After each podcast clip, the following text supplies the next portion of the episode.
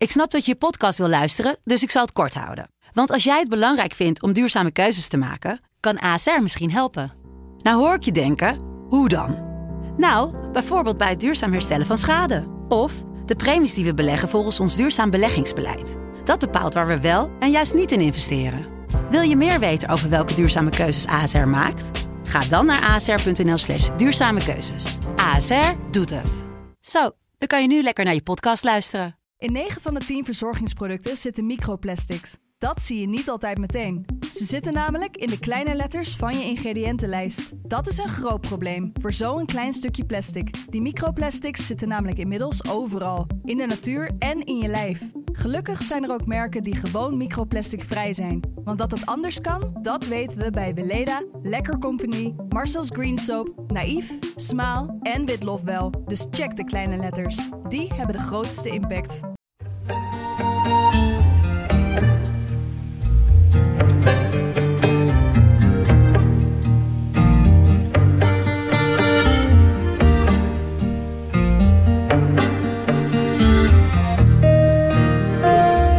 Jij bent onderdeel van de prachtige ploeg die Curaçao naar het WK moet gaan leiden. Tuurlijk hebben we die nou zo'n patiëntjes erbij mijn oude dag. Dat was jouw droom. Dat is mijn droom, ja. Dat is een beetje jong toch? Jij bent dan al die tijd bezig of heb je ook pauze tussen, tussendoor? doe niks meer. Ik vind het wel genoeg. Nee, dat weet ik.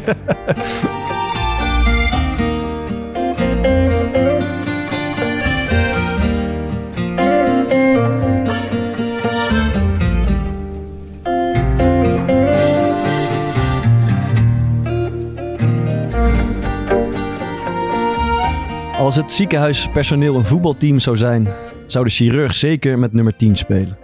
De sterspeler, het technisch vernuft van de ploeg en de hoogste man op de apenrots.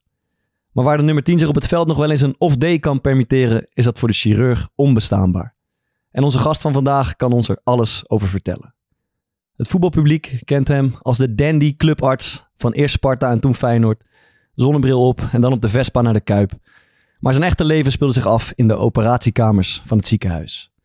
En wij zijn benieuwd, hoe beleeft de clubarts een voetbalteam? Maar vooral, wat maak je mee in de operatiekamer? En wat kan de voetballer leren van de chirurg? Dat gaan we vandaag horen van Casper van Eyck. Dankjewel, mooie intro. Jij bedankt voor je komst. Eh, Ik ga je even introduceren verder voor de mensen, misschien wat jonger publiek, die het niet helemaal meer, eh, meer scherp heeft. Eh, professor dokter Casper van Eyck, dat klopt hè? Klopt. Eh, chirurg en alvleesklier kankerspecialist. Eh, bekend van de stichting Support Casper, waarin de voetbalwereld best veel aandacht naar uit is gegaan de afgelopen jaren. Ehm, bedoeld om geld op te halen voor onderzoek naar alvleesklierkanker. En ook eh, vaak aangehaald door René van der Gijpen, een goede vriend van je. Dat is daar is een beetje gaan verspreiden. En inmiddels met pensioen, begreep ik. Toch? Klopt, ja. Ja, lekker in Spanje. Ja, ik zit nu eh, eh, grotendeels in Spanje, klopt. Ik ben eh één week in, de, in de maand ben ik in Nederland om de onderzoekers nog verder te begeleiden en te doen. Ja, Maar voor de rest eh vertoef ik daar en werk ik twee dagen daar ook op een kankerinstituut. oké. Ehm, Casper, waar we eerst even alles over willen weten is, de, je zit in de Core podcast, eh, maar hij hangt ook hier overal aan de muur. En jij, jij bent onderdeel van de prachtige ploeg die Curaçao naar het WK moet gaan leiden. En die ploeg bestaat verder uit Core Pot, uiteraard Dick Advocaat. Kees Jansma. Kees Jansma. en ook, toch? Ja, die zit er ook. Ja, ja. En, en- Technisch Die is directeur. technisch directeur. ja. Maar wij, wij- ja, wij willen daar eigenlijk gewoon alles over weten. Wat, wat, gaat, wat gaat jouw rol daar zijn bijvoorbeeld? Nou, kijk, die rol is natuurlijk anders dan clubarts. eh, omdat in principe je natuurlijk eh, 16, 18 eh, gezonde spelers krijgt die Ja. eh, voor hun land willen gaan spelen. Ja. Dus het belangrijkste is dat je bewaakt, zeg maar, dat ze fit blijven gedurende de tijd dat ze bij je zijn, tijdens Ja. het trainingskamp. Voor de rest begeleiden als ze blessures krijgen. En daarnaast zorgen dat zeg maar, de voeding in orde is, dat de hygiëne in orde is van de hotels en zo, dat ze goed kunnen slapen en, en zo, dat soort dingen allemaal. Dus dat is het belangrijkste. En eh, Ja, ja, daar kun- je natuurlijk ook nog wel het een en ander van delegeren aan Kees Jansma, denk ik. Hotelletje inspecteren. Ja, dat weet ik. Van de andere kant hebben we natuurlijk inderdaad, zoals je al aanhaalt, best wel een wat oudere staf. Dus eh, misschien dat ik daar ook nog wel het een en Druk ander... ben met de staf dan met de spelers. dat, zou heel, dat zou heel goed kunnen, ja. Maar hebben, we heel- hoe moet ik me voorstellen? Hebben jullie al een soort eh, stafbespreking gehad? eh, ja, wij inmiddels? zijn, eh, tenminste, we- de staf, de harde kern zou ik bijna zeggen, die komt echt wekelijks bij elkaar. Ja. Natuurlijk om de spelers door te nemen die potentieel voor het elftal zouden kunnen spelen. Ja. En ik sluit daar eh, ook af en toe maar al bij aan, ja. Oké. Om natuurlijk En is- gewoon een aantal dingen Is dat dan gewoon bij Dick thuis of is dat... eh, Nee, nee, nee, nee, nee, dat is op locatie. Op locatie. Het zal geen, eh, geen van de Valk zijn, of wel? het Amstel Hotel minimaal. Nee, nee, nee, nee, nee. Het is allemaal heel bescheiden. Oké, het is allemaal oké. heel bescheiden. Eh, maar ehm, en zijn jullie al op Curaçao geweest ook eh, inmiddels? Ja, Dick en Cor en Kees die zijn al in Curaçao geweest om kennis te maken en om Ja. daar eh, persconferenties te geven. Je kent het allemaal Ja, wel. ja. En om iedereen enthousiast te maken. En Ja. dat is allemaal prima gegaan natuurlijk. Ja. Ja, het, het- het is, we moeten er natuurlijk serieus over doen. Ik geloof ook dat er serieus over wordt gedaan. Maar het komt voor ons ook een beetje over als vier mannen die of met pensioen zijn of tegen hun pensioen aanzitten. Die er nog eens even lekker Ja, maar eh, dat met, moet met je... een vriendengroep er iets schitterends van gaan Ja, maar dat moet je niet tegen Dick zeggen. Want ik weet niet of je die, als je die kent, die is eh, zo Ja. fanatiek als ik weet niet wat. En die loopt boos weg als je, Ja, ja, als je dat soort opmerkingen maakt. Want ja, zo zit hij natuurlijk wel helemaal in elkaar. Hij wil natuurlijk eh het een keer afsluiten, maar dan wel goed afsluiten. Ja. En eh, ja, dat is natuurlijk eh, ook, wel, eh, ook wel logisch natuurlijk. Want eh, hij wil er nogmaals het beste van maken. Maar het vervelende is natuurlijk dat hij volledig afhankelijk is van het spelersmateriaal. Ja. Dus ja, je moet echt wel hopen dat eh, al die jongens ook eh, voor hun land willen gaan, eh, gaan spelen. Ja, en niet eh, in die interlandperiode denken van jongens, het is wel goed. Ik blijf lekker, eh, Ja. ik blijf lekker thuis. Ja, je kan een legende worden dus. Op, eh, op Dat kan zeker, dat kan zeker. Leo is dat natuurlijk uiteindelijk ook geworden Ja, met tuurlijk. Mario. Ja, ja, Dat was natuurlijk ook geweldig. Mochten jullie nog een teammanager zoeken, ik, ik hou me graag eh aan. Nou, die mailbox van, van iedereen die staat helemaal vol met eh fysio's en eh, Oh, die allemaal- en, voedingsdeskundigen Ja, ja, en noem het allemaal op. Dus, eh, Dat zit wel goed. Ehm, dan even Casper. eh, eh, Maarten vertelt wel eens over eh, dat hij allerlei vrienden heeft in de voetbalwereld. En Bij elk, iedere club waar hij heeft gespeeld heeft hij zo vier, vijf vrienden overgehouden. Maar eh, dat kleeft ook eigenlijk aan jou. Of het kleeft aan jou. Jij hebt ook veel vrienden overgehouden eh, aan jouw tijd in de voetbalwereld. ja, Eh, is, daar een verklaring voor? Eh, Waarom liggen voetballers eh, jou en andersom? Ja, ik weet het niet. Eh, ik moet eerlijk zeggen dat ik eh, over het algemeen wel een goede band had met, eh, met de meeste spelers. Omdat ja, ze eh, veel vertrouwen in mij hadden. En dat komt denk ik ook omdat ik natuurlijk toch in het Erasmus werkte. Wat eh, gewoon een hele grote organisatie is. En Ja. dat betekent eigenlijk dat daar alles voorhanden is. En ik kan me nog heel goed herinneren dat eh, ja, ik toch een beetje zenuwachtig was toen ik van Sparta naar Feyenoord ging. En toen dacht ik van jeetje, wat een grote club. En hoe krijg ik dat vertrouwen van die jongens?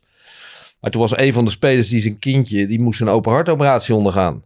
Nou ja, en ja, in het Erasmus. Dus ik had dat binnen een week was, dat- was dat kindje geopereerd. Nou, Ja. toen hadden al die spelers wel eh, zo van, eh, nou, die, eh, die kan wel, die hebben wel wat in het mars. eh, Je moest je plek verdienen op die manier. ja, precies, en, en zo gaat dat dus. Ja, uiteindelijk door je kennis en je, en je, en je, en je, je gedrag eh, dwing je dat ook op een gegeven moment wel af. En ik heb ook wel een hele goede leerschool gehad, want ik was nog niet eens echt dokter. En toen werd ik al clubers bij Sparta. En daar kwamen toen net eh, Louis en eh, Danny Blind en zo, die kwamen aanzetten. Ja. Nou ja, dat was wel even, eh, even wat anders.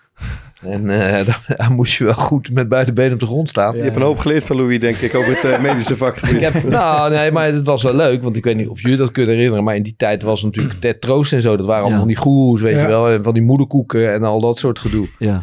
Ja, daar moest Louis gelukkig helemaal niks van hebben. Want Ja. ik was natuurlijk doodsbang dat Louis dadelijk, weet je wel, allerlei andere wegen ging bewandelen en zo. Maar die, zei, die was gewoon heel met beide benen op de grond en heel straightforward. Van jongens, luister eens, we luisteren naar de dokter, we luisteren naar de verzorger en Ja. dan klaar. Bij Feyenoord zat ook altijd eentje waar al die gasten heen gingen. Ja, dat is, Ja, Hoe, niet ter troost. ehm nee, dat, ik, ik weet, ik kan Kuit, even Kuit, niet... Kuit kwam daar veel, weet ja, ik. klopt, klopt. Ik ben dat dus ooit een keer... Ik had, ik had jarenlang last van mijn, ehm van mijn patellapees. En dat ging maar niet weg. Toen was ik denk ik een jaar of, of 19 of, nee, of 18 of zo.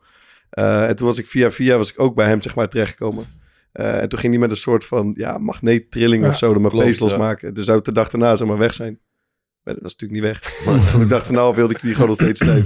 Maar dat je dan van die, dat was wel zo bijzonder. Dan, dan kwam je daar en dan denk je dus in dat foto van bijvoorbeeld eh, Gerard Joling. En dan met iets daaronder, zo- zo'n stuk, zo'n artikel dat hij, weet ik veel, op vrijdag kwam zijn hele stem vol en zijn strot vol. En hij, hij kon niks. En dan was hij bij hem geweest en had hij zo die gekke trillingjes gedaan. Ja. En dan kon hij zaterdag, weet ik veel, de toppers of zo. ik weet, niet, het blijft, blijft wel fascinerend. Nou ja, dat, eh, ja, dat is inderdaad heel fascinerend. En dat, want wat een hele hoop mensen niet weten, is dat ik ook jarenlang André Hazes heb eh, begeleid. Op al zijn eh, concerten en tournees. En eh, ja, dat was natuurlijk precies hetzelfde. Die, had, eh, die verloor eh, bij wijze van spreken na ieder concert was die zijn stem kwijt. Eh, hoe begeleid je ja, dan? wat, houdt, wat houdt het precies in? Nou, gewoon. op- Ja, André was natuurlijk, die had natuurlijk ook wel zijn mankementjes. Dus, eh, en die vond het toch wel fijn dat er altijd een dokter bij de concerten aanwezig was. En in de loop der tijd was die dokter bijna essentieel om hem überhaupt nog op het podium te krijgen natuurlijk. Maar moest je hem oplappen of was het meer geruststelling Nee. van als, want ik had natuurlijk... Nee, in eh, het begin benauwdheid was het en echt geruststellen en Ja. was het allemaal... Maar uiteindelijk was het, eh, dat was toch heel sneu, was het echt allemaal wel eh, oplappen. En Oh, eh, tussen de nummers door eh, zuurstof toedienen. En, Oh, en dat soort dingen. Ja, het was echt, op een gegeven moment was het echt heel sneu. En toen ben ik Ja. er ook mee gestopt. En toen heb ik ook tegen me gezegd, joh, ga, ga nou echt in retraite en ga eh, naar een kuuroord en eh, Ja. probeer wat aan je gezondheid te doen. En ja, hij was zo afhankelijk van andere mensen die dat eh, niet vonden. En Ja. dat was eigenlijk allemaal een heel sneu verhaal. Maar Ja. dus Goh, dus je bent er niet tot het einde bij geweest bij hem? Nee, nee. Nee, als je die documentaire ziet, dan... ja, ik heb die gezien. Schitterende documentaire. Ja, maar dan zie je ook op zijn begrafenis in de arena één lege stoel. En dat is mijn stoel. Ah? Wa- wa- waarom? Nou, omdat ik het zo schrijnend vond. eh, hoe hij uiteindelijk in zijn omgeving eh, werd opgevangen. Want de enige hulp die hem kon bieden was hem naar een oord te sturen Ja. dat hij eh, ja, zou afkicken. Ja. En, dat hij, eh, ja, en dan ben je pas een echte vriend. Zeg, want het, Ah. het feit dat mensen hem gewoon nog steeds het podium op lieten gaan. Of Precies, en hij had gewoon echt wurgcontracten, weet je wel. Hij, was, dat was echt, hij verdiende gewoon een vast salaris en daarvoor moest hij zoveel maal eh, optreden op Ahoy. Hij moest zoveel cd's maken in een jaar en zo. Ja. Ja, en die mensen die verdienen natuurlijk allemaal goud aan. Ja. En hij liep daar maar eh, te ploeteren en te doen. Dat was echt, ja. Ze was eigenlijk boos op, op de mensen om hem heen dat ze hem niet, dat ze niet op de remmen hebben getrapt. Ja. Ja. Ja, als je echt een echte vriend van iemand bent, dan moet je echt heel daarin ver gaan. En Ja. uiteindelijk ook het beste advies geven. En Ja. niet te zeggen van, joh, neem nog maar een biertje. En, eh, Ja, nee, precies. Ja. dan moet je echt... eh, Oké. ja. Eh, we hebben on- onze lievelingsrubriek. Eh, dat is de rubriek van de stadionbangers. Ma- ma- mag ik Ja. daarvoor één, één dingetje? Ja, ja. Eh, ik, ik, ik kwam één videootje tegen en ik vind het toch even te mooi om, om, Nou, daar komt hij. nee, om niet te delen. Ik, eh, eh, Thomas' oude club, AFC, speelt tegen Noordwijk. Eh, dit is een aantal, de- aantal dagen geleden was deze wedstrijd. En daar gebeurt zeg maar een soort van mijn droom. Er is een, een soort van een beetje korte terugspel. De keeper komt uit, geeft hem een gigantische pegel. Hij, hij waait binnen. En, hij wa- en de andere keeper glijdt uit. Bij, ongelukkig er staat ja. heel veel wind. Hij, eh, ehm, hij waait binnen. Maar het is tegelijkertijd... ehm, kijk, keepers doen soms een beetje rare dingen. Dus je speelt een bal weg en iemand loopt op jou door en die geeft jou een beukie. Mhm. Kijk, en als je echt je voet raakt, je weet het zelf als je een bal wegschiet en iemand komt met zijn nop op je voet, dat doet serieus heel veel pijn. Ja. Maar soms is het ook schouder tegen schouder en dan ga je toch even doorrollen, want dan gaat Ja. iedereen, hey, wat is dit? Ja, ja, ja. Maar wat gebeurt nou? Deze keeper krijgt het beukje en hij is niet zo heel hard, maar hij ligt zeg maar, het, het is trouwens, het is, het is Lars Jansen, is een goede keeper, ik ken hem uit mijn Go Ahead tijd nog.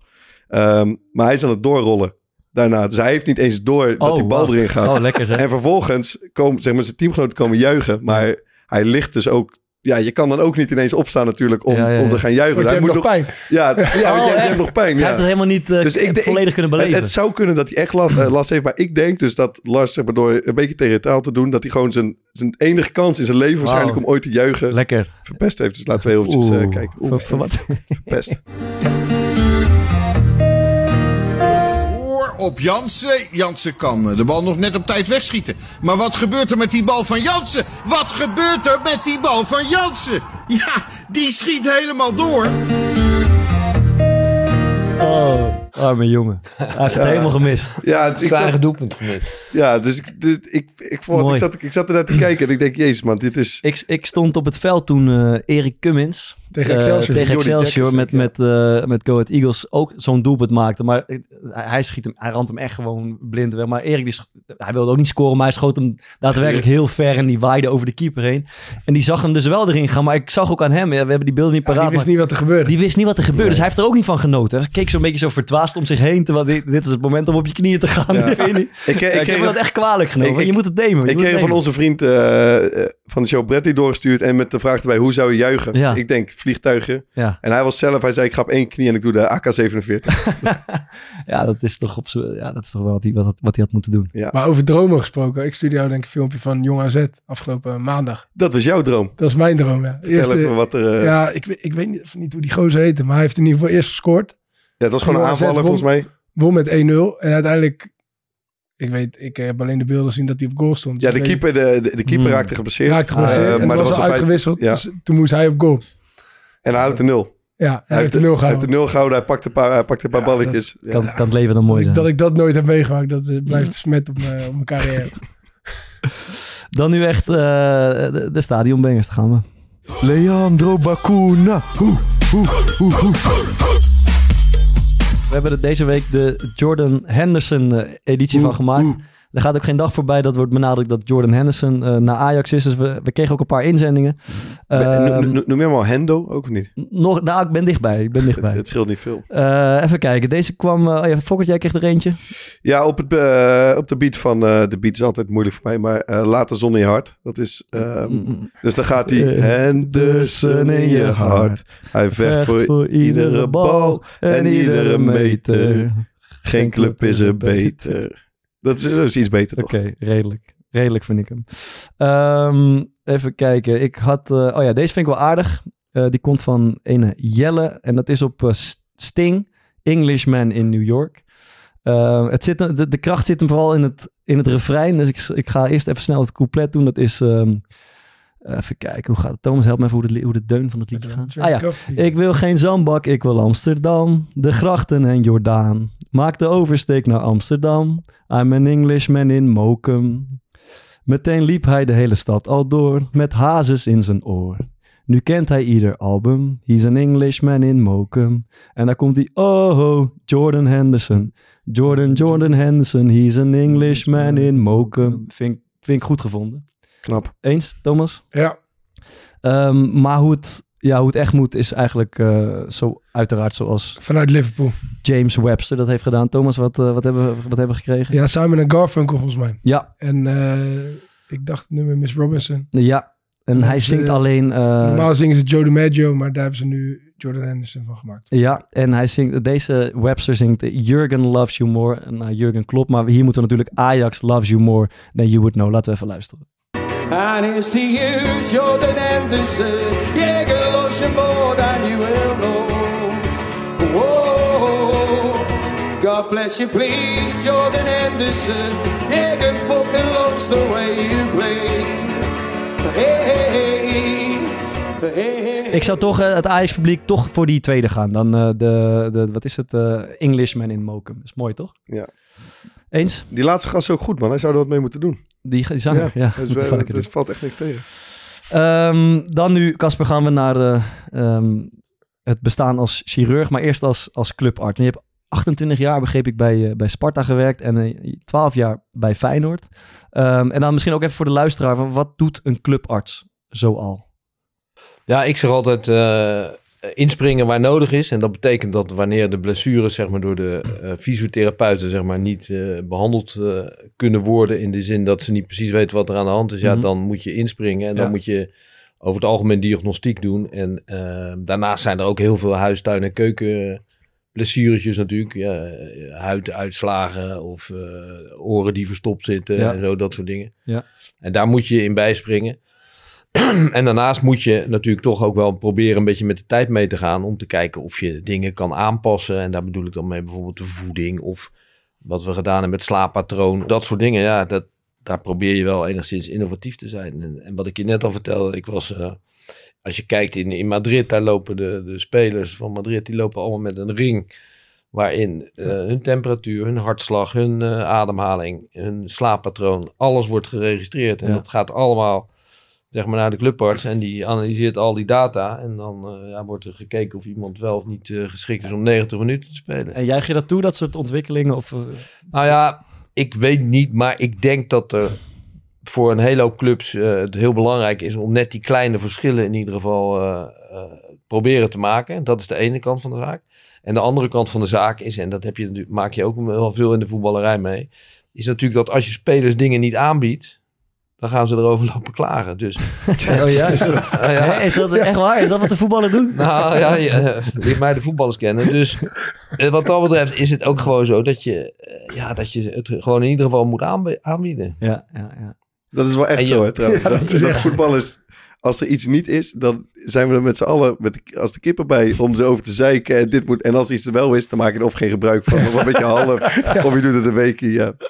Nee, maar dat is natuurlijk het verhaal. En datzelfde geldt, ja, ik heb op een gegeven moment ook yoga geïntroduceerd. Ja, in, in, in Amerika, in, in Engeland, bij de topclubs is dat doodnormaal. Dat Ja. je gewoon leert hoe je goede ademhalingen eh, moet doen. En ja, en, eh, Daar komt er niet doorheen hoor, bij Curaçao. Dat kan ik wel vertellen. nee, dat denk ik ook Hij niet. deed bij Sparta ook yoga, totdat eh Dick Advocaat onze trainer werd. Dat was Nee. het eerste wat hij eruit gooide. Nou ja, hoe dat soort dingen allemaal. Dus snap je? Dus ja, maar ik had altijd zoiets van, ja jongens, degene die er gebruik van willen maken, ja, die Ja. pikken het in ieder geval op. En ik denk dat het gewoon heel belangrijk is. En, maar ja, het, je, we- ja, jullie weten het als geen ander. Een hele hoop jongens die vinden het allemaal wel, best. En die gaan het liefst zo snel mogelijk eh, na de training naar huis. En eh, ja, dat is toch in andere landen essentieel anders. Wat- Ehm, ja. Wat, wat is een beetje hoe, hoe jullie de, de dagelijkse rol van de clubarts eh, voor je zien? Of wat, wat je ervaring ermee is? Nou, die van ons is denk ik eh, twee keer in de week op de club. Eén keer is hij dan een ochtend even gewoon polshoogte nemen. Hoe staan de blessures ervoor? Checkt hij nog even jongens die, de, die dat nodig hebben. En de tweede keer is gewoon op de wedstrijddag zelf. Mm. Ehm, en dan is het ja, eh, dan is het vooral bedoeld voor als er echt iets ernstigs gebeurt, een hoofdblessure of eh, dat soort dingen. Dat, ja, en dat lijkt mij voor clubartsen, je bent dan wel gelijk bij het meest intense moment van de week. Hè? Een uurtje voor de aftrap in die Mm. kleedkamer, et cetera. Ehm, dus dat zijn eigenlijk de enige twee momenten dat wij contact hebben. Ook, eh, maar ook gewoon, de, het is ook een soort apotheek, toch? Dat als, je iets, no- als je iets nodig hebt... Ja, als je, iets- als je iets Ja, nodig hebt, bel Dokkie even. Mhm. Ja, zo, dat is mijn eerste associatie die ik Ja. mee heb. Gewoon alles wat je nodig hebt, ook als je vriendin iets nodig heeft. Ja. Pillen voor iets, antibiotica of wat. Iedereen die moet, die moet ergens een recept aanvragen. Want jij, ja, ik bel de dokter wel even. Pillen tegen SOA's worden ook bij de dokter aangevraagd. Ja, ik ga niet zeggen wie dat bij Excelsior was, maar iemand had echt een hele apothekerskast bij ons in de kleedkamer. Daar kon je alles krijgen. Ja. Ik, ik vond het mooi om eh, als. Je hebt, je hebt bij voetbal toch wel die functies om, om het team heen. Die Ja. worden wel eens eh, vervangen. Zoals de buschauffeur, maar ook, ook de clubarts. Ik, ik denk dat jouw opvolger was, denk ik, Lucas Vogels. kl- Klopt dat? Klopt, Die, die, die was toen nog clubarts toen ik eh, bij Sparta kwam. klopt. Die was daar denk ik nog twee jaar. Was hij nog clubarts. En toen stopte hij ermee. Ging hij met pensioen. Toen werd hij opgevolgd door eh, Simon Knops. Ja. Die noem ik tot op de dag vandaag nog steeds eh, Lucas Vogels. Dokter Vogels. Dat vind ik altijd zo mooi. Met buschauffeurs ook. Hadden, hadden we Freek en eh, die ging met pensioen. Toen kwam een nieuwe. Ja, die noemen we nog steeds Freek.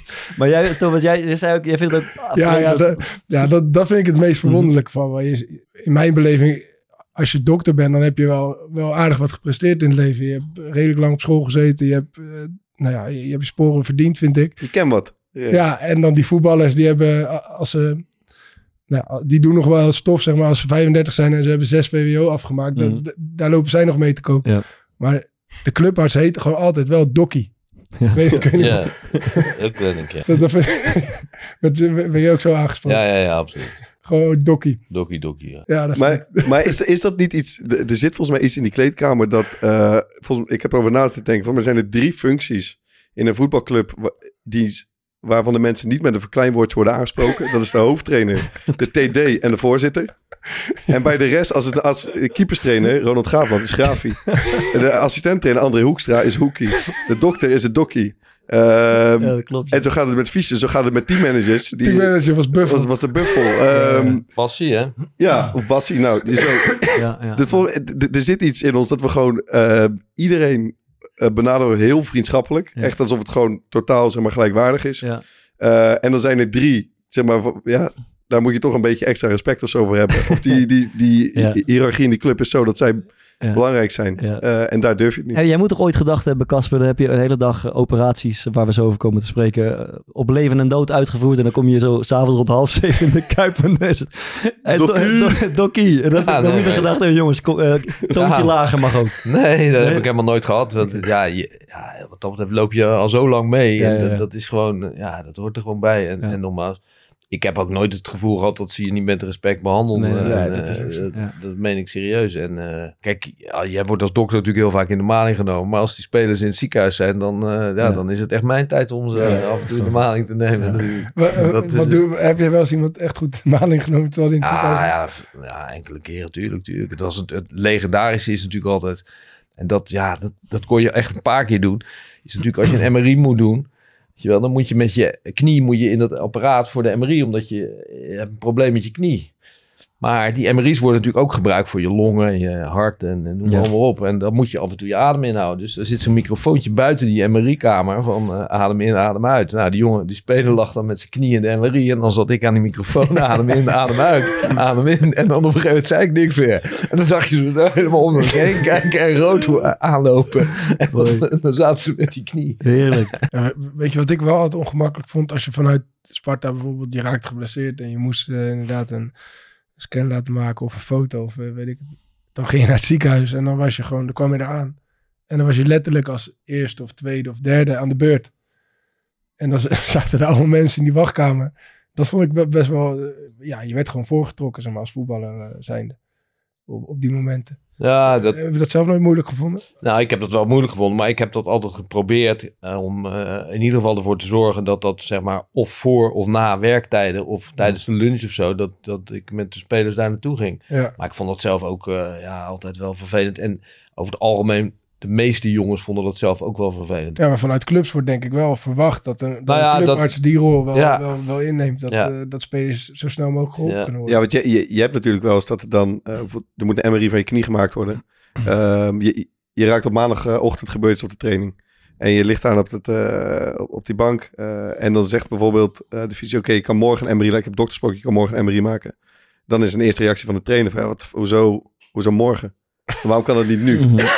Nou ja, ik heb dat ook meegemaakt. En uiteindelijk heeft dat er ook toegeleid tot eh, een hele hoop conflicten. Dat we met eh Feyenoord op trainingskamp waren. Dat uh, Jurgensen opnieuw geblesseerd raakte aan zijn knie. En dat was op zondag.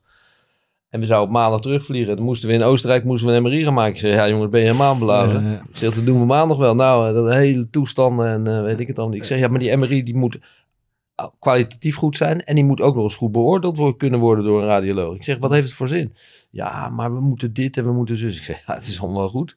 Ja. Dus dat uiteindelijk maandag, nou, heeft de hele toestand. En, eh, uiteindelijk heeft het ook tot een ontslag van de fysio geleid en noem maar, op. Oh jee, oké. Dat was, eh, ja. Ja. Maar ja, ik vind dat allemaal, dat is allemaal zo overdreven. Want nogmaals, hij gaat daar echt geen, geen dag eh, sneller door beter Nee, worden. Nee, nee, nee. Dus eh, Eh, in mijn ogen waar de dokter ook eh, om de hoek komt kijken is als er een spuit in de poot gezet moet worden. Of in de enkel. Of waar kan je, waar kan je allemaal spuit krijgen? In je Meestal- bovenbeen, denk ik. Je knie. Ja, je knie. in je knie. Hebben jullie wel eens een spuit gehad? Ik heb nooit een spuit Ja, gehad. ik keer. Ja? Ja, En dan? dat, dat was eh eh, zo'n cortisonspuit, denk ik. Maar dat, dat was meer... Ik had was meerdere, meer, ja, ja, om, had meerdere problemen in, klachten te op te helpen. Ja. ja, ik had meerdere klachten en Mhm. het was nou niet duidelijk welk, welk, welk probleem mijn klacht veroorzaakte. Dus daarom eh, werd dat gedaan. Maar dat is over het algemeen een soort verdoving. Hè? Als iemand echt last van zijn, van zijn teen of zijn enkel heeft, dan, dan is dat het, in mijn ogen eh, het laatste redmiddel om die belangrijke speler toch nog te laten spelen. Dat Maar is, besta- bestaat dat nog?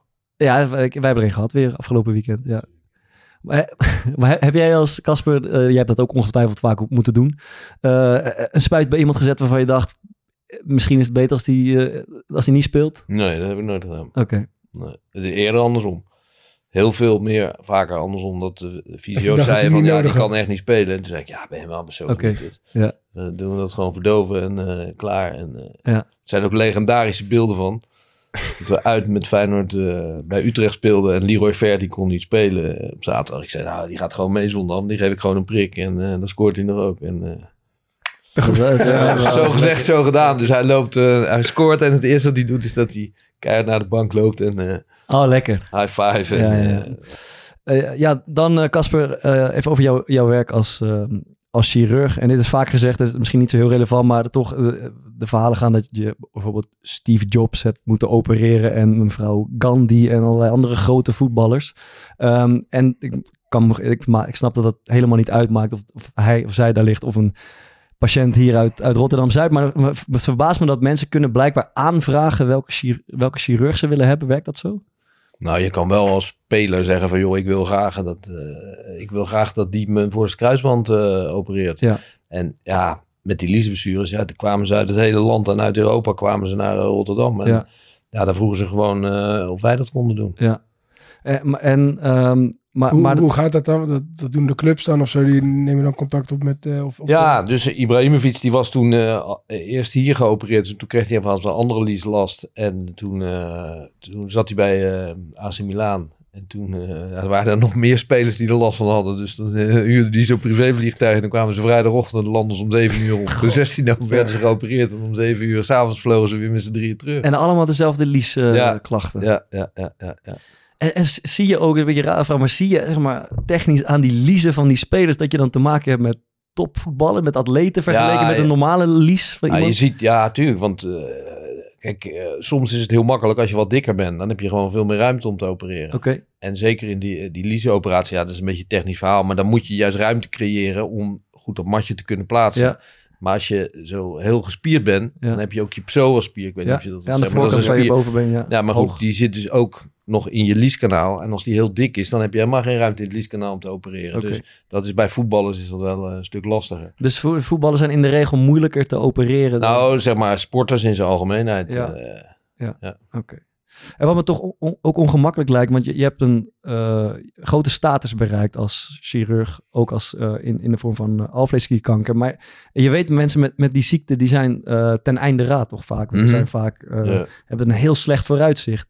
Maar dan is vaak, als mensen in paniek zijn, dan is hun laatste redmiddel misschien wel googelen naar de specialist. En dan kom je eigenlijk vrijwel altijd bij, bij jou uit. Mhm. Maar niet ieder, jij kan natuurlijk niet iedereen helpen de hele tijd. Dan Nee, moet er een soort, dat is heel moet een soort wachtrij ontstaan. Nee, dat klopt. Dat, nou, ja, dat laatste, dat valt nog wel mee. Hm. Dat kunnen we over het algemeen nog wel wer- werken. Maar je moet niet vergeten, en dat is ook een van mijn motto's altijd, dat enerzijds zijn we er om te behandelen natuurlijk. Mhm. Maar wat ook heel belangrijk is, en dat wordt vind ik heel erg onderschat vaak, is ook goede begeleiding. Ja.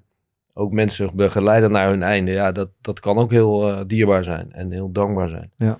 En dat is ook heel belangrijk. En, en nogmaals, ja, wat, hoe het natuurlijk ook altijd werkt, is als zeg maar het laatste, de last resort, Mhm. als die zegt, joh, er is niks meer aan te doen, ja, dan geeft dat ook een bepaalde rust voor, eh, Ja. voor de mensen. Ja, maar en jij bent dan vaak de last resort, Ja. denk ik, voor mensen, ja. Lijkt me wel een zware... Ja, dat is niet altijd eh, makkelijk, nee, dat klopt. Maar eh, ja, het wordt wel heel erg gewaardeerd. En ja, het is een soort, soort roeping ook, denk ik, eh Ja. eerlijk gezegd. Voor, voor de mensen die dat eigenlijk niet weten, alvleesklierkanker is een van de meest dodelijke vormen van Ja. eh, kanker. Ik geloof dat Ja. eh, wat de, de, de vooruitzichten zijn nogal slecht. Ja, eh, het is, lichaam- krijgen de, eh, zeg maar eh, 3000 mensen in Nederland eh, krijgen alvleesklierkanker en, en er overlijden er eh 2998. God, ja, ja, ja. Dus eh, dat is nog eh, ja, gewoon heel slecht, eh, prognose. En kan je ons eens meenemen naar eh, die eh, operatiekamer? Ehm, dat doe je er een aantal per week, misschien wel tientallen per week, denk ik. Hoe is dat? Hoe Nou, lang, nee, hoe lang die duurt zo'n al- operatie? operaties van die alvleesklier, die duren over het algemeen duren die eh, zes tot acht uur. Dus Ja. het is niet zo dat we daar eh, van eh, drie op een dag deden. Oh jee. Ja. Eh, want Maar- gewoon heel technisch, het duurt, dus, het duurt dus heel lang. Ehm, en en ben je, jij bent dan al die tijd bezig of heb je ook pauze tussen? tussen nee, nee, nee. We, we, we nooit, eh, ik ben nooit zo van de pauzes geweest. Ja, Maar eh, nee, ja, je gaat gewoon in één stuk door. En dat is, eh, ja, dat, dat, je merkt de tijd heb je totaal geen eh, idee van. En eh, ja, ik heb dan altijd een, eh, muziekje op de achtergrond. wat, wat, wat wordt er gespeeld? En dan, eh, ja, ik ben nogal van eh, Counting Crows en zo, dat soort dingen. Mhm. En, eh, Kings of Leon en zo, dat vind ik dan Be- allemaal heerlijk. Een beetje meezingen. Ja. Ja, en dat, ja, ik vind die zangers vind ik helemaal super. En die, eh, die geven zich 100%. Nou ja, dat moet ik dan eh, tijdens de operatie ook doen. Dat is meer mijn, eh, Maar dan ben je is- gewoon zes tot acht uur gewoon non-stop. ja, ja. Is het gezellig, opereren? Het kan heel gezellig zijn, ja. Natuurlijk, je probeert eh, het altijd zo gezellig mogelijk te maken. Dat is, eh, en eh, ja, je, je bent over het algemeen ben je toch wel een ingespeeld team. Ja. Dus eh, Heb, ja, je daar, heb je daar ook die, zo'nzelfde soort team, teamdynamiek als bijvoorbeeld eh, bij, bij, bij Feyenoord of bij Sparta? Ja, het is heel anders. Kijk, wat, eh, ik was altijd toch een beetje gevreesde chirurg, als ik eerlijk ben. Want eh, ik verwachtte heel erg dat mensen ook die operatie voorbereid hadden. Dus je moet voorstellen dat je aan tafel staat en dan deed ik zo. Handje op. Eh, hield ik mijn hand op. Ja. En dan, niet snel genoeg Scalpel kan, dan, 12. eh, en dan moesten zij precies weten welk instrument erin moest. Uh-huh. Want ja, als je als zuster meekijkt, ja, dan weet je wat ik nou nodig heb. Oké. Toch? Dus, dus ja, dat was altijd nogal. eh, maar, dat, ja, maar als dat eenmaal gaat lopen en iedereen weet dat, Ja. dat je daaraan moet voldoen, ja, dan heb je gewoon een geweldig team. En dat, eh, dat ging echt super goed. Dus Dus je hebt niet- niet binnenkort een claim aan je broek van eh, autoritair gedrag. Nee, nee, nee, nee, grensoverschrijdend. Nee, nee, nee, nee, nee, nee, nee, helemaal niet. Nee, dat niet. Nee. Daarvoor niet in ieder geval. maar, wat gebeurt, maar wat gebeurt er dan wel als, het- als het juiste scalpeltje niet eh, in je hand werd? Nou ja, dan vroeg ik wel of ze alsjeblieft ook eh, mee wilde denken en mee wilde kijken. En noem maar, maar op. Ja, als je een knoop gelegd hebt, ja, wat moet je dan? eh, Nou, dat heb je dan nodig. Ja, Ja, dat is een zou het schaar om de draadjes door te knippen. Ja.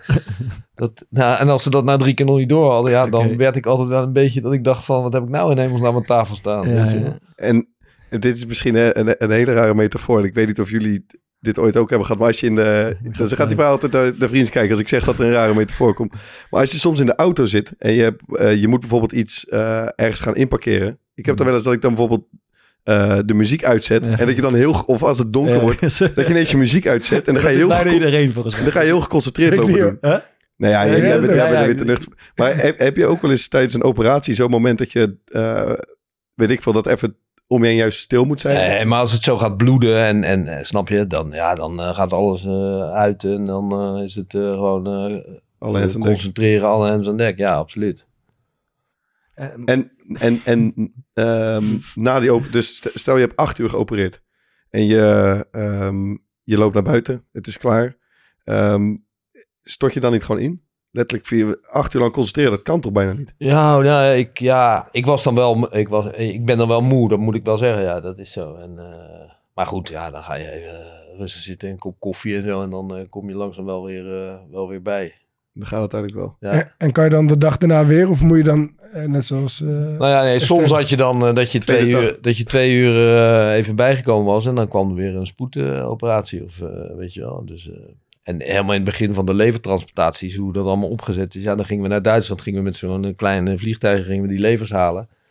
En dan zetten we hem er in Nederland ook weer in. En Dat is gewoon- echt, er zit heel veel tijdsdruk achter dan ook. Zo'n, eh, Toen de tijd zat er gewoon heel veel tijdsdruk achter. Nu heb je allerlei machines om die lever zeg maar, op perfusie te, te houden, zoals Ja. dat heet. Dus dan spoel je hem als het ware door met, met goede eh, vloeistoffen, zodat hij gewoon heel goed kan blijven functioneren buiten het lichaam. Ja. Zodat je hem op eh, normale tijden erin kan zetten. Zeg. ja, maar. ja, ja. Hetzelfde geldt met niertransplantaties. En i- zit er een soort van ehm, max aan? Hoeveel je kunt opereren in de week? Bijvoorbeeld hoeveel uur? Nou ja, dat zal ongetwijfeld de max gaan zitten. Alleen, ja, die, die, die, die is, Ja, die niet, ruimte is er gewoon die is niet wettelijk vastgelegd, laat ik het zo maar zeggen. Mm. En dat is natuurlijk nu allemaal wel heel anders dan vroeger. Kijk, vroeger ging ik eh, op vrijdagochtend het ziekenhuis in. En dan eh, kwam ik eh, op maandagavond eruit. Had je dienst, had je weekenddienst. Ja, dat is natuurlijk nu allemaal niet meer voor te Ja. stellen. Bes- Bestaat er ook zoiets als een soort van chirurgconditie? Dat als je als voetballer aan het seizoen begint, dan moet je echt even een beetje inkomen. En dan merk je, ik ben standaard de eerste oefenwedstrijd heel erg slecht. Ja, ja. En dan moet je er weer een beetje in. Maar dat is natuurlijk in jouw vakgebied eigenlijk niet echt Nee, ruimte voor. dat, dat kennen wij niet zo. Nee. nee. en trainen? Nou ja, ik, ja, kijk, wat heel raar is, is dat het is wel goed dat je het vraagt, is dat er relatief gezien weinig aan echte handvaardigheid wordt gedaan. Dat klinkt heel, maar dat is. En dat zou heel goed zijn. En ik, ik Ja, gaf het is toch ook gewoon skill, of niet? Ja. Ja. Precies, ik gaf de assistenten, zei ik altijd als het herfst was. Ik zeg, neem nou wat blaadjes mee naar huis. En dan eh, ga je die blaadjes aan elkaar hechten. Dan moeten die blaadjes op tafel stil blijven liggen. En dan moet jij zorgen dat er toch een knoop in komt. En zo, dat soort technische vaardigheden, ja, die moet je gewoon echt wel proberen op te doen. Want dat is gewoon heel belangrijk. Dus, eh, Het is wel interessant, want je, het is een technisch moeilijk uit te voeren operatie, eh, las ik wel eens. Maar hoeveel procent van, van, van, daarvan is zeg maar gewoon handvaardigheid, skill van, van wat jij moet doen? Nou, ik denk dat, eh, zeker bij die Alvenski-operatie... Kijk, die Alvenski die ligt helemaal centraal in de buiten. lopen alle grote bloedvaten door die van vitaal belang zijn. Zowel Mm. voor de darm als voor de lever, et cetera, et cetera. Dus, en zo'n bloedvat, dat is een ader. En een ader, ja, ik zeg altijd, die wand van een ader... dat is als een soort vloedje van een check, weet je wel. ja, ja, ja. Dus ja, als je daar met een mes of een schaar of wat dan ook tegenaan zit... ja, dan zit er een scheur in en dan gaat bloeden. En dat bloedt allemaal als een tijger. Dus dat maakt het vooral moeilijk dat er heel veel dikke aders omheen lopen. Dus dat is gewoon echt, eh, ja, dat is gewoon echt eh, heel zorgvuldig. En, eh, en je moet heel goed nadenken. Je moet echt een hele strategie eh, van tevoren hebben. Omdat je eh, de- altijd natuurlijk tegen een complicatie kan aanlopen. Ja. Maar die complicatie die moet je dan weer kunnen oplossen. Dus dat wil zeggen dat je bijvoorbeeld aan de bovenkant van een bloedvat en de onderkant van een bloedvat eerst helemaal vrij legt voordat je naar het bloedvat zelf toe gaat. Zodat als er wat gebeurt, dat je het kan afklemmen en eh, dat Ah. het niet heel hard gaat bloeden. Dus je moet echt een hele strategie voor een operatie. is echt een heel strategisch plan. Dus op basis van eh, meerdere scans ga je, ga je zitten en Ja. maak je echt een, maak je een soort Ja, formatie en opstelling Ja. eigenlijk van wat je... Oké. En En wat- ik- ben je dan ook nog wel eens verrast door wat je tegenkomt? Ja, ja, ja, want wat iedereen denkt is dat iedereen hetzelfde is van binnen. Ja, precies. Ja, ja. dat is dus totaal niet waar. Je schrikt ook wel eens van wat je ziet. Of Nou ja, schrik. Je bent soms zelfs verrast door de anatomie. Maar tegenwoordig met de kwaliteit van de scans vooraf... Ja, ben je over het algemeen kom je wel heel goed beslagen ten ijs. Maar dan nog is het gewoon 3D altijd heel anders... dan dat je Ja. het op een scan ziet. En, eh, Ja. En, en wat maakt jou een goede chirurg? Waar, waar, zit, waar zit dat in? Nou, ik heb het geluk dat ik ambidexter ben. Dus dat is... eh, Tweehandig. ja. Dat zou jij dan altijd weten wat het is. Ja, dat wel- kan ik, kan ik me irriteren aan jou, zeg, dat jij dan weer weet wat ambidexter is. Dat is wel vet. Als je, Godverdamme. maar dat, zijn de, dat is een godswonder. Dat hebben niet veel mensen natuurlijk. Nee, dus dat is... eh, Maar met tennis ook over... hij, hij heeft, geen- hij heeft geen backhand. Hij heeft twee keer een voorhand. ja, nee, maar dan ben je veel te laat over het algemeen. Dus dat werkt niet. Nee, dus ja, met opereren had ik dat. En eh, ja. ja, wat een hele hoop mensen ook niet weten, is dat je heel... Het instrumentarium is over het algemeen altijd voor rechtshandigen gemaakt. Ja. Want een schaar heb je een schaar voor linkshandigen en voor rechtshandigen. Dus je bent een beetje de Wesley Snijder van het Erasmus eh, MC. Nou, nee, dat wil ik nou niet zeggen. Hij snijdt ze met links en met rechts. nou ja, dus mij maakt het niet uit om eh, te hechten of te, te snijden met rechts of links. Maar dat is echt een voordeel ten opzichte van anderen. Ja, natuurlijk. Want je moet voorstellen, als je het buik open maakt... Ja. Ja. dan, en het, je moet daar hechten, Ja. terwijl hier de borstkast loopt. Ja, Ja, dat precies. is wel lastig als je dan alleen God. maar links bent. Ja, ja, ja. Dus dan is het wel handig als je dat rechts kan doen. En wanneer kwam je erachter dat je dat, je dat had? Nou, dat had ik al relatief vrij, best wel eh, vrij snel, eerlijk gezegd. Maar op, En ik heb op er ook gewoon echt of- daadwerkelijk op getraind ook. Maar was het op de opleiding of was het al daarvoor? Tijdens de opleiding. Tijdens de opleiding. Hoe, hoe, hoe train je op tweehandigheid? Ja, door gewoon, door gewoon te gaan doen. En eh, wat ik al zei, ik nam eh, draadjes mee naar huis en hechtmateriaal mee naar huis van het ziekenhuis. En dan eh, Blaadjes zeggen. Het muurtje. ik, ja, dan ging ik blaadje. ja. God, wel apart. Tja. En ehm, is, is zo'n ehm, zo'n operatie uitvoeren, vind je dat ook echt leuk? Is het, is het meer, is het, ik bedoel het zo, is het een, eh, als je een alvleesklier eh, gaat opereren, is dat een, een uitdaging en ben je een soort van opgelucht als het gelukt is? Of heb je stiekem ook, natuurlijk het gaat om leven en dood, is iets, heel groots, maar vind je het eigenlijk ook heel erg leuk wat je aan het doen bent? Nou, die operaties uitvoeren en zo, dat is natuurlijk, ja, dat is toch wel super eh, dat, je dat, dat je dat überhaupt kan. Ik heb, het- blijf het nog steeds magisch vinden dat iemand, zeg maar, acht uur onder zeil is.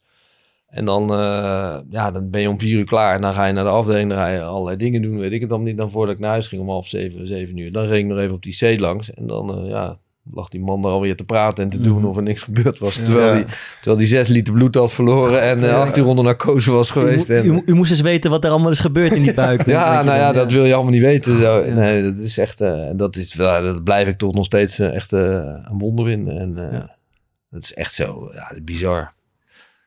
En, en toch bij bijna elke job, en een voetballer heeft er ook last van, sluipt na verloop van tijd een beetje de routine of eh, een gemakzucht erin. Maar dat kan jij je... Nou ja, Totaal wat ik al zei, je, moet goed realiseren dat iedereen van, an- van binnen zo totaal anders is. Ja, Qua ja. bloedvatverloop, qua, qua ja, zeg maar consistentie. Hè? Dus bij de ene is de alvleesklier heel vast, bij de andere is die heel slap. En, en dus er zijn zoveel variabelen dat het echt iedere keer weer anders is. Ja. En eh, ja, dat, dat maakt het ook wel weer leuk en uitdagend, Ja, ja, gezegd. Heb je angst om iets fout te doen? Nou, je bent wel. eh, je bent wel. Ja. Kijk, ik ben begonnen. Dat is ook wel eh, een leuk verhaal. Of leuk, maar ik ben begonnen als borstkankerchirurg. dat, hè, want ik moest eerst leren wat kanker was. En Mhm. nou, dan is, er komt borstkanker natuurlijk heel veel voor. Ja. En waar ik toen nachten, s'nachts wakker van werd, was dat ik gewoon de verkeerde borst eraf gehaald Ja, had. ja. Of de verkeerde borst had geopereerd. En. Dat is gelukkig allemaal nooit gebeurd. Maar dat zijn wel dingen waar je dan... Maar dat heb je ja, hier niet mee. Je hebt maar één snap Dus ik ken niet je? de verkeerde Dat, pak. dat is jouw geluk eigenlijk. Nee, dus- ja, dus dat was... Dus dat heb ik daarbij eigenlijk nooit, nooit zo gehad. Alleen is het wel zo, als je zo'n hele zware operatie hebt gehad... met heel zwaar bloedverlies en alles... Ja, dan heb ik wel, had ik altijd wel moeite om in slaap te komen. Ja, En Uit angst dat, dat het eh, misgaat alsnog? Of, ja dus je weet dan nooit hoe het op die C gaat. En weet je wel. Ja. En eh, ik heb dan ook wel eens dat ik dan... eh, s nachts voordat ik ging slapen om 11 uur... dat ik dan toch nog even belde van... is die stabiel? En noem maar op. Ja, ja, ja. God.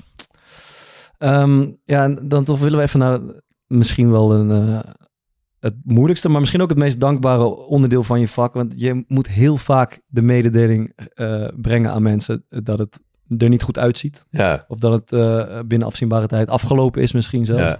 Dat, eh, dat doe je al heel veel, dus daar ben je ervaren in geworden. Maar met, met welke, ja, hoe begin je, hoe begin je zo'n boodschap? Ik moet al denken aan, de, aan die film De Marathon. Heb je die gezien? Natuurlijk. Ja. Dat hij dat, dat, stuk taart zit te eten. Ik heb die Terwijl- terwijl die-. Ja, geweldig film. heb komt hij bij die, dan komt hij bij de arts en dan, eh, dan wordt hem verteld dat hij, eh, dat hij terminaal is. En Ja. dan zit die arts tegelijkertijd een stuk taart te eten. Ja. En op het moment dat hij die boodschap geeft, zegt hij ook nog, oef, goede taart. En maar eh, uit, uit laksheid of is dat ja, strategie? nee, dat of is dat- natuurlijk gewoon... eh, dat is de joke. Ja, Ja, oké. Ja, dat is geweldig. En die hele film is natuurlijk... Ja. staat boordevol eh, humor. Dat is Oké. helemaal geweldig. Maar wat, wat, wat is, daar moet dus ook een soort idee of een, of een strategie bijna achter zitten. Hoe, hoe begin je zo'n Nou ja, boodschap? ja, kijk, wat eh, het, be- het beste is om gewoon duidelijk te zijn. En eh, niet eromheen te draaien. En eh, dat, dat, dat wordt over het algemeen verreweg het meest gewaardeerd. En dan, ja, dan probeer ik altijd eh, ook aan, aan jonge artsen duidelijk te maken dat het heel belangrijk is dat je eh, moet luisteren. En dat je met name eh, stiltes ook moet laten vallen om de, de mensen echt de kans te geven om de vragen te stellen die ze echt willen weten. Mhm. Er zijn heel veel mensen die, ja, die vinden het prima dat je duidelijk bent geweest, dat ze weten waar ze aan toe zijn. En dan vinden ze het wel goed. Maar je hebt een hele hoop jonge mensen hebben natuurlijk nogal de neiging om dan eindeloos maar hun verhaal te gaan doen en dit. Ja. En daar zitten die mensen helemaal niet op te wachten. En de anderen zitten er wel op te wachten, maar dan moet je ze de kans geven om al die Ja. vragen te stellen en, en zo. Ja. Dus ja, snel duidelijkhet bieden, niet omheen draaien. En, eh, en daarnaast gewoon heel goed luisteren naar de patiënt. En, en dat is eigenlijk in zin 1 zeggen, mevrouw, het ziet er heel slecht uit. Is dat hoe nou, niet in zin stel? 1, maar wel in zin 2. Ja. Ja, ja. Dus eh, En, en reageren patiënten eh, grillig op zo'n bericht? Of is het altijd beetje hetzelfde? Nou, Kijk, de- laat voorspelbaar? ik eerlijk zijn, 9 van de 10 die voelde het al aankomen. Ja, precies, ja. Dat is wel heel duidelijk. En dat, zijn, dat is ook vaak een zin waar je mee kan beginnen. eh, Dat je zegt van, ja, god, wat denkt u zelf? En, ja, het is, maar ja, het is, ook, het is ook een kwestie van een beetje aanvoelen. De een die, die, ja, die, die, die, die, heeft er heel veel moeite mee. En de andere, die, ja, die, die had het al lang zien aankomen. En zo. Hm. Dus, eh, Heb je wel eh, zo'n gesprek gevoerd waarvan je achteraf dacht, dit, dit heb ik niet goed gedaan, dat had ik anders Nou ja, nee, zeker. Kijk, en wat ik eh, ook altijd deed, is dat wanneer ik zo'n gesprek gevoerd had en een patiënt was uiteindelijk overleden en noem maar allemaal op. Dan had ik, en dat noemde ik altijd een nazorggesprek. Dat Ja. nodigde ik altijd na zes weken of twee maanden, nodig ik de familie uit. En dan vroeg ik van, god, hoe vindt u dat het gegaan is? Hoe Ja. heeft u, vindt u het gesprek ervaren, et cetera, et cetera.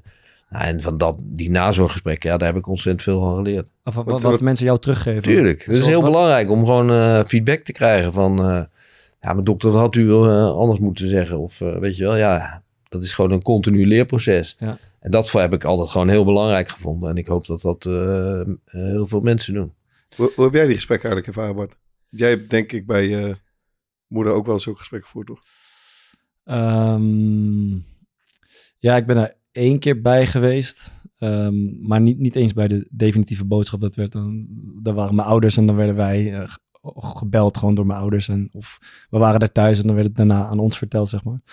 Ehm, ja, ik was daar één keer bij en toen... ehm, ja, god, wat... eh, ik had wel veel vragen eigenlijk. Ik, ik, ik be- bekroop mij toen het gevoel, eh, mijn broer eigenlijk ook van... eh, waarschijnlijk onterecht van... het doen we hier wel genoeg aan? Doen we, kan er niet wat meer gebeuren? Is dit, is dit waar we het mee moeten doen? Snap je? Eh, dus dat was, ja, was niet heel, heel prettig, maar het was ja, waarschijnlijk volledig onterecht. Omdat de mensen aan de overkant van de tafel wel degelijk weten waar ze het over hebben. Maar dat, Mm. eh, ja, dat herinner ik me er wel van, ja. ja. En ehm, eh, ja, is misschien een, be- een beetje grote vraag, maar we, we praten nu soms een beetje luchtig over. Maar ik heb een aantal documentaires gezien. En eerlijk, het is, het is eigenlijk gewoon een eindeloze stroom van droevigheid en, en narigheid wat je, wat je meemaakt. En als je dat al, als je dat al zo lang meemaakt, wat, wat, wat eh, leer je daarvan als, als mens? Of hoe vormt dat jou als mens? Nou, kijk, allereerst eh, heb ik wel een motto ehm, dat... eh, kijk, aan mijn leven komt er uiteindelijk ook een einde. En ik wil dan achterom kunnen kijken dat ik het gevoel heb... nou, ik heb toch wel wat gedaan voor de mensen. Ja. Dat, dat vind ik heel belangrijk. En Mhm. ik hoop dat iedereen dat eigenlijk zou doen. En dan weet ik ook dat de wereld er een heel stuk beter uit zou zien. Ja. Dat is één. En de andere kant van de zaak is dat... eh, ik zou bijna zeggen dat ik in Rotterdam geboren ben. En wij hebben toch nog eh, hier echt wel... eh, de, zeg maar de, het uitgangspunt van ja, de schouders eronder. En ik kan me wel iedere keer het hoofd in de schoot gooien en denken van ja, dat wordt allemaal niks. Ja. Maar ja, ik heb gewoon zo'n fantastische club eh, mensen om me heen. En daar horen ook voetballers bij. En, daar- en, en, en daar horen ook clubs bij die allemaal eh, echt een steun in de rug zijn eh, Ja. in het gevecht wat we aan het leveren zijn. Ja. En dat is gewoon, ja, dat is een fantastische uitdaging. We hebben de Rotterdamse haven. Nou, we hebben het, ik weet niet of je dat ook gevolgd hebt, maar het havengala wat dan voor mijn stichting wordt gehouden. Ja, daar worden gewoon een miljoen opgehaald. Ja. Ja. dat is helemaal geweldig. En dat heb je ook te danken aan al die, al die voetballers die je hebt leren kennen. Ook, En, ja, eh, tuurlijk. Ook ja. grotendeels. Ja, zeker. Die eh, hebben een hele hoop jongens die, eh, die allemaal... eh, ik zal nooit vergeten dat met Feyenoord kampioen geworden, weer, eh, geworden waren. En eh, dat was op een eh, zondag. En eh, maandag eh, was eh, het gala van mijn stichting. nou, wie komen er om, eh, om tien uur binnen? Eh, Dirk en eh, Gio. Ja. Nou, dat, was onvergetelijk voor mij. Dat Ja. is, eh, en waarom die Dirk een geweldige speech had. Die zei, ja, eh, ik had een droom. En die is gisteren uitgekomen. En Casper heeft ook een droom. Nou, toen eh, was die hele staal, die, zaal die was muisstil. Dat was echt geweldig. Dat Dus, eh, dat was heel leuk. En wat is die droom dan, die jij hebt? Nou ja, dat we natuurlijk een goede behandeling vinden. Ja. Ja. Dat is, ja, dat, dat moet gewoon. En dat is gewoon super belangrijk. En hoe, hoe, hoe- sorry, hoe, hoe ver zijn we daar vanaf? Is dat nog een, is dat een ver Nou, laat ik het zo zeggen. We gaan heel erg de goede kant op. We staan nu echt op een punt om eh, alle nieuwe dingen die we ontwikkeld hebben, om die nu ook daadwerkelijk te gaan toepassen. ja. Dus ja, dat is gewoon super. Alleen, ja, dat kost gewoon heel veel geld. En maar we gaan gewoon door. En eh, En eh, support Casper, de- dat heeft altijd eh, financiële bijdragers nodig. Dus we kunnen ook deze podcast even gebruiken. ja, nee, maar dat is super belangrijk. En, en nogmaals, ja, dat gaat eh, hartstikke goed. Alleen, ja, we moeten door. Dat is Ja. belangrijkste. Want een stichting oprichten en, en geld binnenhalen in het begin is allemaal niet zo moeilijk. Maar nu moeten we er gewoon, eh, ja, we moeten doorgroeien. We Ja. moeten upscalen, zoals het heet. Bij deze. Ehm, wij eh, sluiten altijd af. Ja, ik heb, ik heb nog even Oh ja. eh, iets, iets geregeld voor jullie Mhm. allemaal. Kijk, het is... Ik wist dat er vandaag een beetje... eh, we hebben veel luchtige dingen gedaan de afgelopen weken. En vandaag stond er wat zwaarders op het programma. Dus ik denk, ik moet toch even iets regelen... dat we op een, met een beetje een vrolijke noot kunnen eindigen. Dus dan heb ik mijn, mijn, mijn vrienden van eh, Your Surprise. Ik moet het... I- yoursurprise.nl Ik moet het heel goed Kan je uit... het spellen? Your Surprise. Hoe, wat, wat, Voor- Waar staat jou- jouw jouw jouw verrassing? Ja, In het Engels. Gewoon Y-O-U-R Ja. surprise.nl. Eh, daar heb ik even contact mee gelegd. Ik heb gezegd, joh, luister, zus en zo. We, we, hebben, een, eh, we hebben een grote gast. Casper van Eyck komt. Kunnen we niet wat regelen? Want we moeten toch een beetje met een lach op het gezicht weg. Dus ik, ben, ik heb gewoon een gigantische grabbelton opgestuurd gekregen. Eh, en we gaan wat dingen uitdelen. Dus meneer van Eyck, we hebben speciaal voor u een gepersonaliseerde... Mens erg je niet voor op Curaçao. Oké. Wat lachen, joh. Ik kijk even mee. Ik zie Dickie Advocaat. Ik zie Corpot. Sorry, sorry, sorry. Wat mooi, man. Dat is een kleine geitje. Eh, Geweldig. Ik werd ehm, van de week opgebeld door de, op maandagavond door Madelon. Helemaal, eh, Thomas' vriendin helemaal in de stress. Eh waar we dingen, dus ik moest wat dingen regelen, dingen aanleveren. Dus speciaal voor haar heb ik een, een geweldige Your- yoursurprise.nl onderbroek geregeld. Met Bart Vriends erop en, een, en een aantal hartjes. Eh, nou, kom maar door. heb, dan. ik, heb ik er voor Bart eentje. Eh, voor Laura eentje, moet ik zeggen. Ehm, met mijn eigen hoofd erop. En ik weet niet waarom er allemaal hele grote aubergines op zitten. Eh, voor hun bed vanavond. Lekker. ja, dat. Bedankt, uh, Your Surprise. En ehm, voor de luisteraar die het liefste berichtje eh, deze week naar ons stuurt op Instagram... hebben we een hele mooie Milka-reep met ook het hoofd van Bart Vriends onder andere erop. Nice, mooi. En dat is allemaal van onze vrienden van www.yoursurprise.nl. We hebben nog een kortingscode ook, Corpot25, Ja. 25% korting. Ja. Valentijnsdag komt eraan. En de code is ook na Valentijnsdag Mooi. nog beschikbaar. We maken een geintje over op de manier waarop je dat uitspreekt. Want we kregen een berichtje van een luisteraar die na vier keer luisterde nog steeds niet doorhad wat jij vertelde. Josh Price. Josh Price, wat zegt die gozer? Hij heeft zelfs aan zijn vriendin moeten vragen die logopediste is. Ik ben niet wat, helemaal klaar wat mee. zegt die gozer nou? En toen hebben ze echt hebben ze het traag afgespeeld. En toen hebben ze ontdekt dat je hebben- Your Surprise Ja, ze hebben. AI ervoor moeten gebruiken om het eh, uiteindelijk... Ze hebben het al is- talen moeten doen. Yoursurprise.nl, zo moeilijk is het niet. En, en die link zit ook gewoon in de, eh, in de show Dat is notes. ook goed. is ook goed. Daarom zeg ik altijd link in de show notes. Zo moeilijk is het allemaal niet. Goed, ehm, dan de, de aanraders eh, van de week. Eh, Casper, wat heb je ons te vertellen? Ja, ik denk, ik, eh, ik heb je verteld, ik ben een fietser, dat vind ik helemaal geweldig. Mhm. Met mijn stichting eh, hebben we in september eh, de Mont Ventoux beklommen. Mooi, ja. Ja, dat is echt voor iedereen een aanrader. Dat moet je echt gewoon een keer in je leven Ik zou dat heel graag een keer willen doen. Ik weet niet, hebben jullie, zou jullie daar zin in hebben? Ja, ik, ik- zeker. Ik, zou dat echt Lijkt, lijkt me ook fantastisch. je Mag, weet- mag dan in de auto achter Nee jongen, dat moet je toch een Oké. keer doen man. Maar je weet niet wat je meemaakt. Het is Ja. echt zo fantastisch. En Ja. als je dan boven bent, ja, het is, het is En wat is het specifiek gewoon wat het voor jou zo mooi maakte? Ja, het is, nou, allereerst is het natuurlijk een begrip, de Mont Ventoux. Ik kijk heel graag naar het wielrennen, dat eh, Ja, ja. vind ik echt geweldig. Maar als je dan 21 kilometer lang aan het klimmen bent... en dat je dan uiteindelijk daar... Dan, nou, je komt op een gegeven moment boven de boomgrens... en, Ja, dan, krijg je nog, en dan krijg je nog dat laatste stuk... Ja. wat helemaal verschrikkelijk is met percentages... die, eh, die ja, dat wil je allemaal niet weten. Ja. Maar als je dan dat uiteindelijk gehaald hebt en boven bent... en ja, dat is... eh, dat je boven alles uitkijkt... het is net of je in, ja, bij wijze van spreken in de hemel terechtkomt. Het is echt geweldig. Waanzinnig, ja. Het is wa- waanzinnig. Afdaling ook meegepakt of doe je dat? Ja, eh, die afdaling heb ik ook gedaan. Er staan er nog van die dingen op de weg gekalkt nog steeds. Eh, eh, kom op, en... eh, Alle- alle- Alleen Richard. Nee, niet meer, niet meer, niet meer. Niet meer, niet maar het is echt Mooi. een, echt een aanrader voor iedereen om, om dat gewoon... En ook om daar gewoon natuurlijk voor te gaan trainen. Ja. Dat is, eh, je fietst er niet zomaar eh, Ja. omhoog. Dus dat is... eh. Gaan we een keer doen, Vaar? Nice. Ik zie het wel zitten. Oké, eh, Maarten? Ehm, ja, ik heb een, eh, een, een keer geen aanrader, maar ik heb eigenlijk een, eh, een, een verzoek eh, aan de luisteraar. Ja. Nee, geen, geen afrader. Ehm, en dat is nogal een, een, een vervelend verhaal. Ehm, ik heb een, een aantal jaar geleden...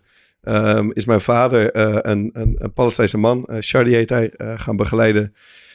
die al een tijd in Nederland was, maar die zijn leven hier nog niet helemaal op de rit kreeg. Mijn vader is toen een soort van zijn, zijn mentor geworden. Eh, en hij is vervolgens een, een, een goede familievriend van ons geworden. Heeft eh, kerst bij ons gevierd. Ehm, en ja, wij zien hem eh, af en toe. Ehm, maar zijn hele familie zit nog in de Gazastrook. Ehm, en dat is, ja, iedereen heeft het op het nieuws kunnen zien. Dat is de afgelopen maanden zo gigantisch geëscaleerd dat, ja, ik ga niet in, in detail treden, maar hetgeen waar zijn familie nu doorheen gaat daar, dat is echt, dat meen ik serieus. Ik, ik heb er echt nachten van wakker gelegen en dan is het nog je op enige afstand. Ehm, zijn hele familie zit nu met zijn ouders, eh, met zijn zussen. Hij heeft, hij, heeft, hij heeft nichtjes van anderhalf, hij heeft een nichtje van drie, hij heeft een nichtje van vier. Die zitten in één kamer. Die zijn van Noord-Gaza naar Zuid-Gaza te voet gegaan. Er is geen eten meer, er is geen drinken meer, er is helemaal niks meer. Ehm, en hij is een eh, GoFundMe-actie gestart eh, om toch te proberen wat geld daar te krijgen. Ehm, omdat eten is eigenlijk, het, het is bijna niet meer te betalen. Eh, überhaupt het hele leven is daar. Als er al iets, iets te verkrijgen is, is het bijna niet te betalen. Dus hij probeert eh, wat financiële steun in Nederland eh, bij elkaar te krijgen.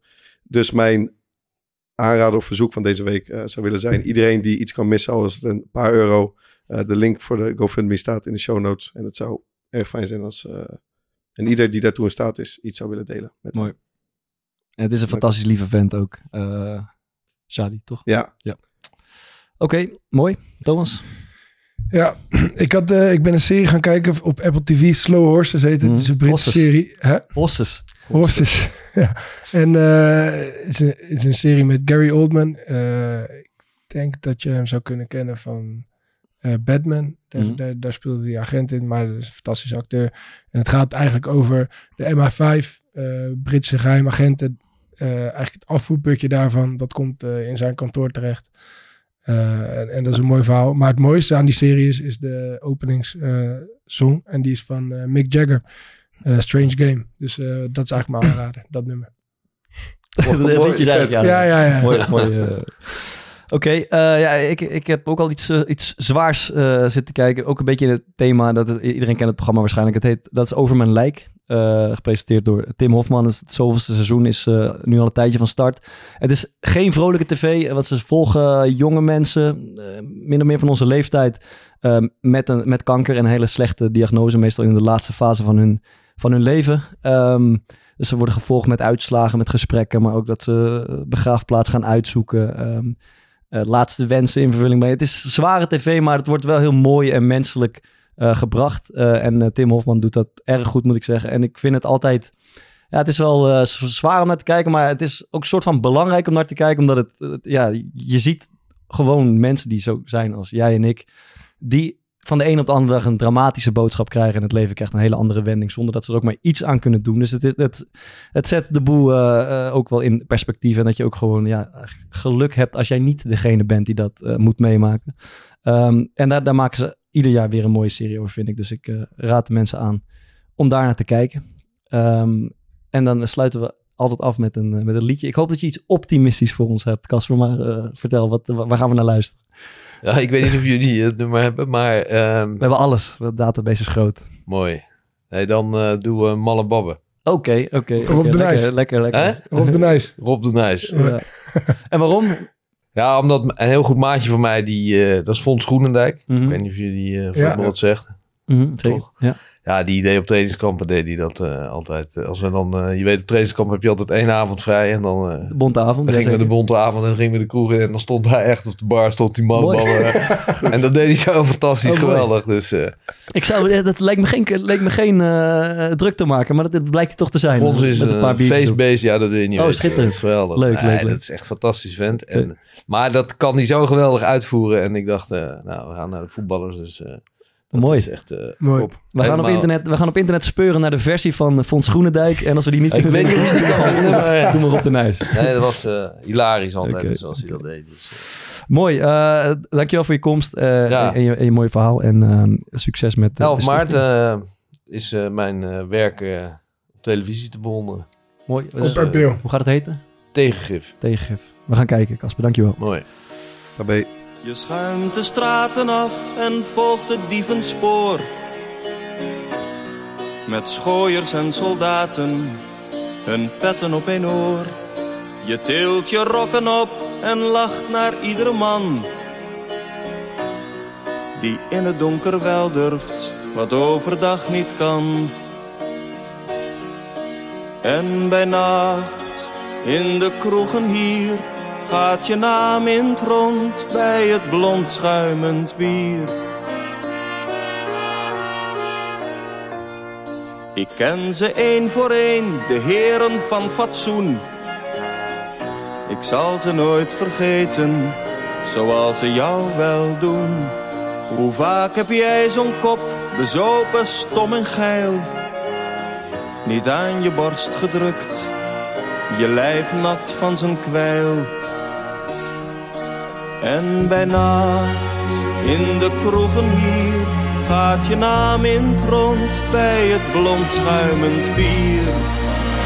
Male babbe kom, male kom hier. Lekker stuk, malen meid, lekker dier van plezier. Male bab is rond, male babbe is blond. Een zoen op je mond, male babbe, je lekkere kont.